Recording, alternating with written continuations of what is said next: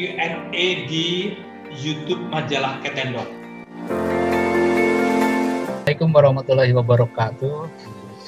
Selamat berjumpa di acara Q&A majalah Cat and Dog yang ini merupakan lanjutan dari kegiatan webinar pada tanggal 21 November 2020. Saya sudah bersama si dokter ganteng, dokter hewan, Ade Andrew Samudra Pinontoa. Oke, yang pertama nih ada pertanyaan dari Dr. Hewan Sri Deniati. Bila dilihat dari gejala kemerahan pada kaki depan dan belakang, apakah dia kekurangan vitamin kulit atau ada penyakit kulit yang lain? Silakan langsung jawab aja dok. Oh iya pak, oke. Kalau dari gejala yang timbul, untuk mengetahui penyebabnya yeah. Diperlukan pemeriksaan umum dan pemeriksaan lanjutan, terutama pemeriksaan mikroskop melalui kerokan kulit dan sitologi tape strip yang menggunakan selotip dan pewarnaan. Jadi dari pemeriksaan itu jika misalkan positif berarti sudah mengarah ke eh, antara jamur atau parasit tergantung dari apa yang ditemukan di mikroskop. Namun apabila negatif hasilnya namun sudah menunjukkan gejala dermatitis nah, negatif eh, bisa dicek apakah dia seperti kekurangan vitamin untuk kulit biasanya untuk nah, untuk kulit itu vitamin B kompleks, biotin dan vitamin E. Jadi selain kekurangan vitamin dapat juga disebabkan oleh alergi maupun gangguan hormon yang mempengaruhi kesehatan kulit. Jadi untuk misalnya jika ditemukan hasilnya negatif uh, harus dites dulu apakah dia ini alergi, apakah dia memang kekurangan vitamin. Jadi diberikan dulu vitamin untuk kulit. Nah kalau misalnya kan alergi uh, dilakukan ini uh, cek cek tes alergi misalkan apa apa misalkan makanannya uh, misalkan uh, apa lagi kayak lingkungannya kira-kira seperti itu pak jadi pertanyaan, jadi pertanyaan dari dokter Sri Deniati ini saya kira mewakili dari pemirsa atau pet lover yang mungkin nggak sempat ngikutin pada acara tanggal 21 November. Dok, kita ke, ke pertanyaan yang berikut yaitu dari Karunia. Ini nanya, apakah menjemur hewan peliharaan untuk kasus dermatofitosis tindakan yang efektif? Jika iya, berapa lama baiknya dan jam berapa tepatnya? Silakan dok. Ya, kalau untuk menjemur sendiri uh, itu merupakan salah satu tindakan yang baik dalam uh, mencegah terjadinya dermatopitosis. Pitosis. Selain mandi rutin minimal ya. seminggu sekali, untuk durasi jemur baiknya dilakukan pada pagi hari antara jam 8 hingga jam 10 selama 15 sampai 30 menit. Jadi sekali sehari, jadi dijemur antara 15 sampai 30 menit pada pagi hari di jam tersebut. Ya, ya. Sekarang pertanyaan dari Happy Teresia untuk Dokter Ade Pinontoan. Untuk reaksi alergi sendiri, apa ada gejala khasnya dok? Dan bagaimana cara mendeteksi secara dini penyakit itu? Terus kalau ada luka terbuka pada hewan, bolehkah terapi pengobatan diberikan iodin di sekujur tubuh yang ada lukanya?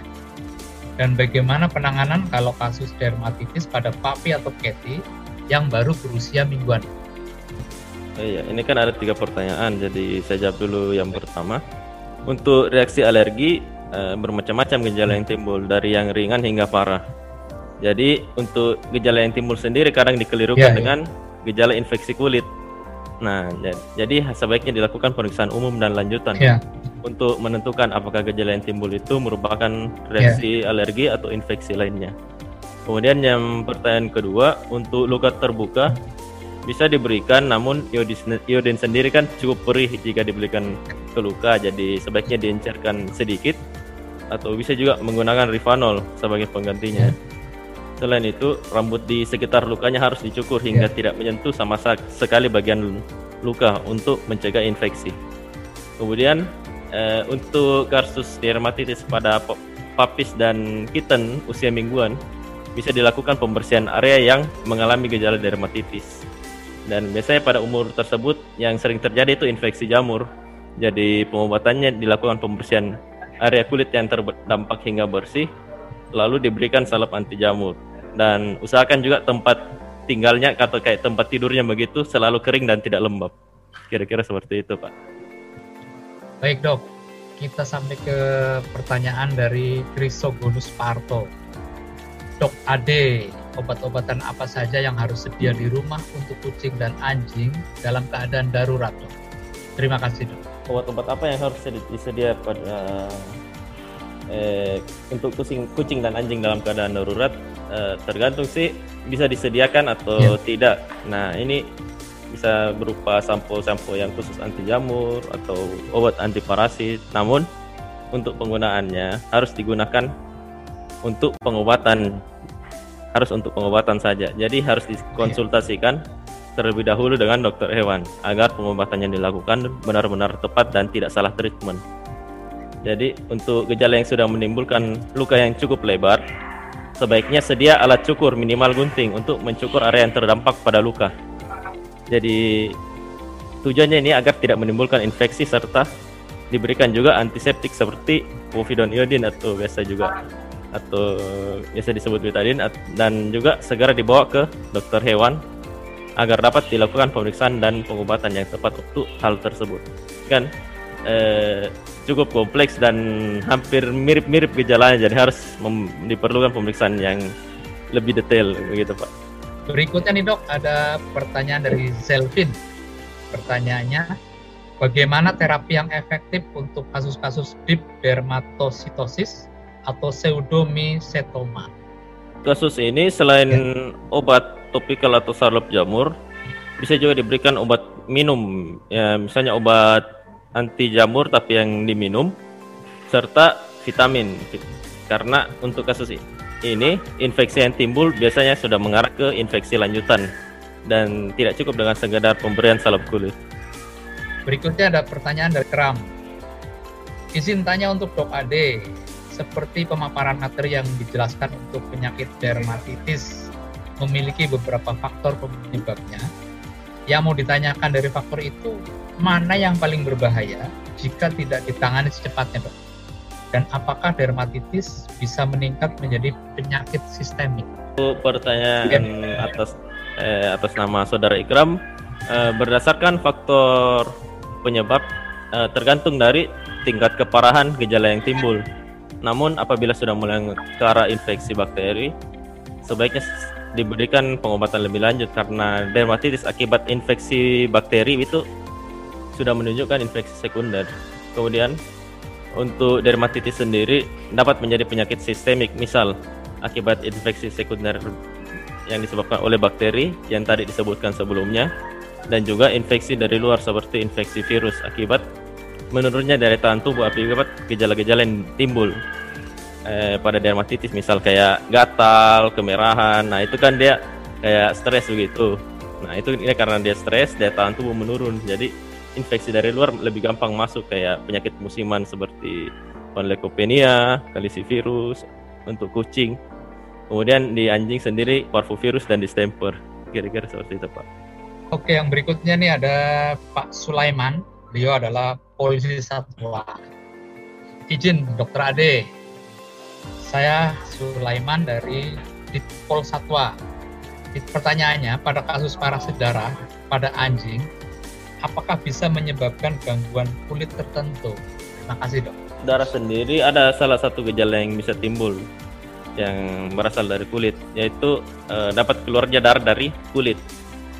Kenapa bisa? Karena parasit darah itu dia e, merusak trombosit. Jadi trombosit itu kan untuk fungsinya untuk e, pembekuan darah. Jadi darahnya tidak e, ini tidak gampang membeku ya. Jadi kalau misalnya kalau terkena yeah. parasit darah, darahnya lebih gampang keluar dari tubuh. Kemudian uh, untuk parasit darah itu sendiri pembawanya itu vektor parasit caplak yang kutu-kutu yang besar itu. Nah, itu di, di mana gigitannya bisa menimbulkan dermatitis, jadi kayak kemerahan dan gatal. Jadi yeah. apabila anjing tersebut mulai menunjukkan gejala infeksi parasit darah, bisa dicek eh, histori, histori sebelumnya apakah anjing tersebut habis terkena gigitan parasit caplak atau tidak? Nah, ini ada pertanyaan yang terakhir dari Kuswandi. Pertanyaannya, apakah reaksi alergi pada kulit itu selalu muncul di Hmm, Itu untuk aja. reaksi alergi yang muncul, eh, apakah dia muncul simetris atau tidak, itu tergantung penyebabnya sendiri. Ya, simetris.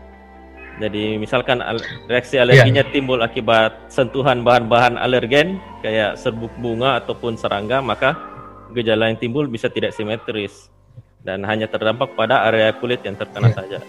Kemudian untuk yang simetris biasanya disebabkan oleh penyakit autoimun maupun konsumsi pakan atau obat yang menyebabkan alergi.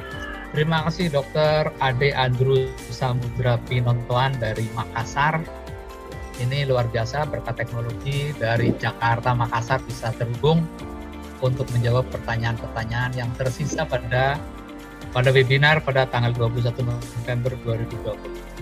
Dokter Ade ada yang disampaikan sebelum saya tutup? Lagi musim hujan ya sebaiknya dijaga petnya, jangan terlalu banyak berkeliaran.